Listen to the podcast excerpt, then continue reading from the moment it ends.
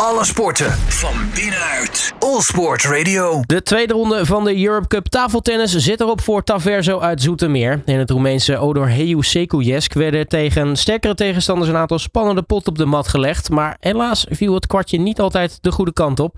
Ik ga terugblikken op dit avontuur met Milo de Boer, een van de spelers van Taverzo. Milo, hele goede middag. Goedemiddag. Ja, ik denk hetgeen iedereen zich afvraagt is, uh, hoe was Odor Heu Sekujesk? Uh, ja, Odoheu was uh, bijzonder. Het was uh, op zich wel een leuk stadje. Jammer was dat het iets van 15 uur hebben we erover gedaan of zo om daar te komen. Maar ja, niet heel bijzonder. Ik zou er niet als toerist heen gaan. Maar ja, het was ook niet heel, heel slecht. Dus het was wel leuk. Nou je kunt hem in ieder geval van je, van je lijstje afstrepen. Ja, precies. Nou, in de vooruitblik uh, was duidelijk dat het een hele zware pool was waar uh, die jullie geloot hadden. Hoe heb jij het ervaren in de praktijk? Uh, ja, het was zeker denk een van de sterkste pools die je kon krijgen. We hadden echt de nummer 1 was van Polen. Die was echt ja, veel te sterk eigenlijk. Dus daar hadden we ook niet veel kans tegen. Maar de, de andere teams twee keer 3-2 verloren. Dus um, ja, daar hadden we wel echt kansen tegen. En dat was wel uh, jammer dat we die niet konden pakken. Maar op voorhand had ik het uh, veel moeilijker nog verwacht. Maar uh, ja, we hebben het als team dus heel goed gedaan. En eigenlijk wel tevreden ermee. Want ja, het was sterk, maar we hebben ook laten zien wat we kunnen. En ja, dus dat was mooi. Ja, je noemde al uh, de Poolse tegenstander, Polski Sukier Gwiazda Bydgoszcz.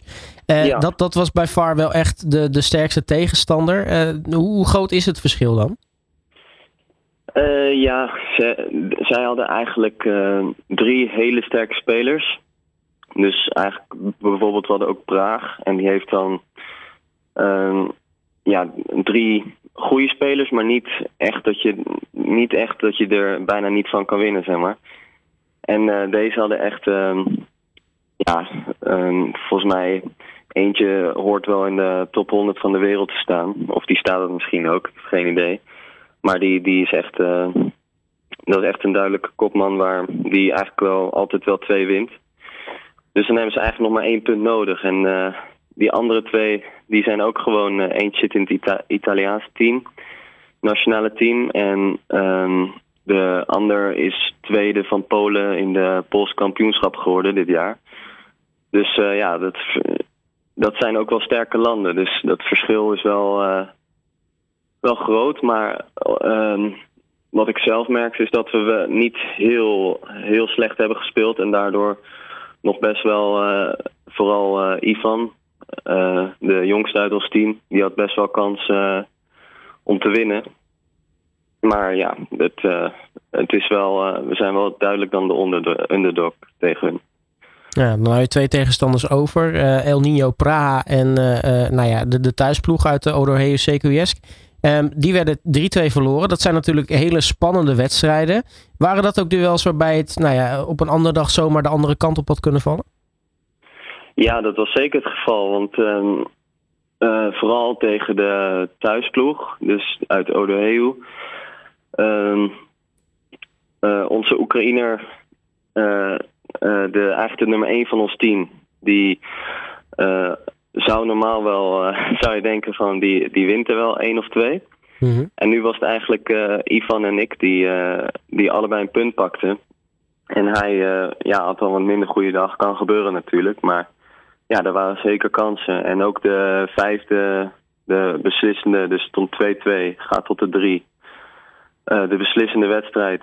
Toen speelde ik ook een vijfde game.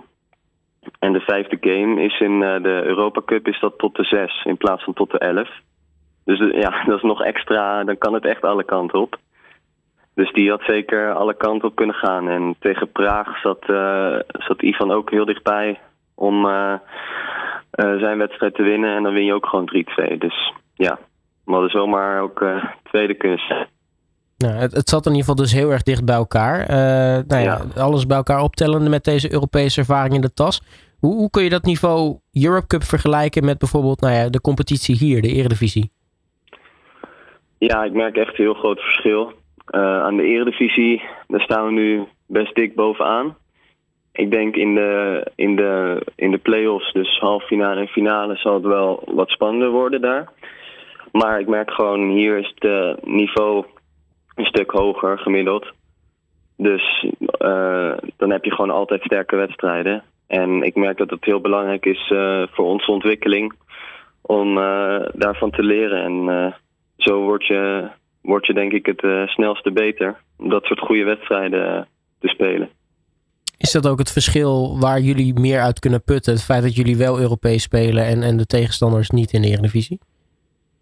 Ja, dat helpt zeker, ja. Dat, daar leer je gewoon zoveel van. En ik denk als je, als je alleen maar in de Eredivisie blijft spelen, dan is het heel moeilijk het uit jezelf te halen.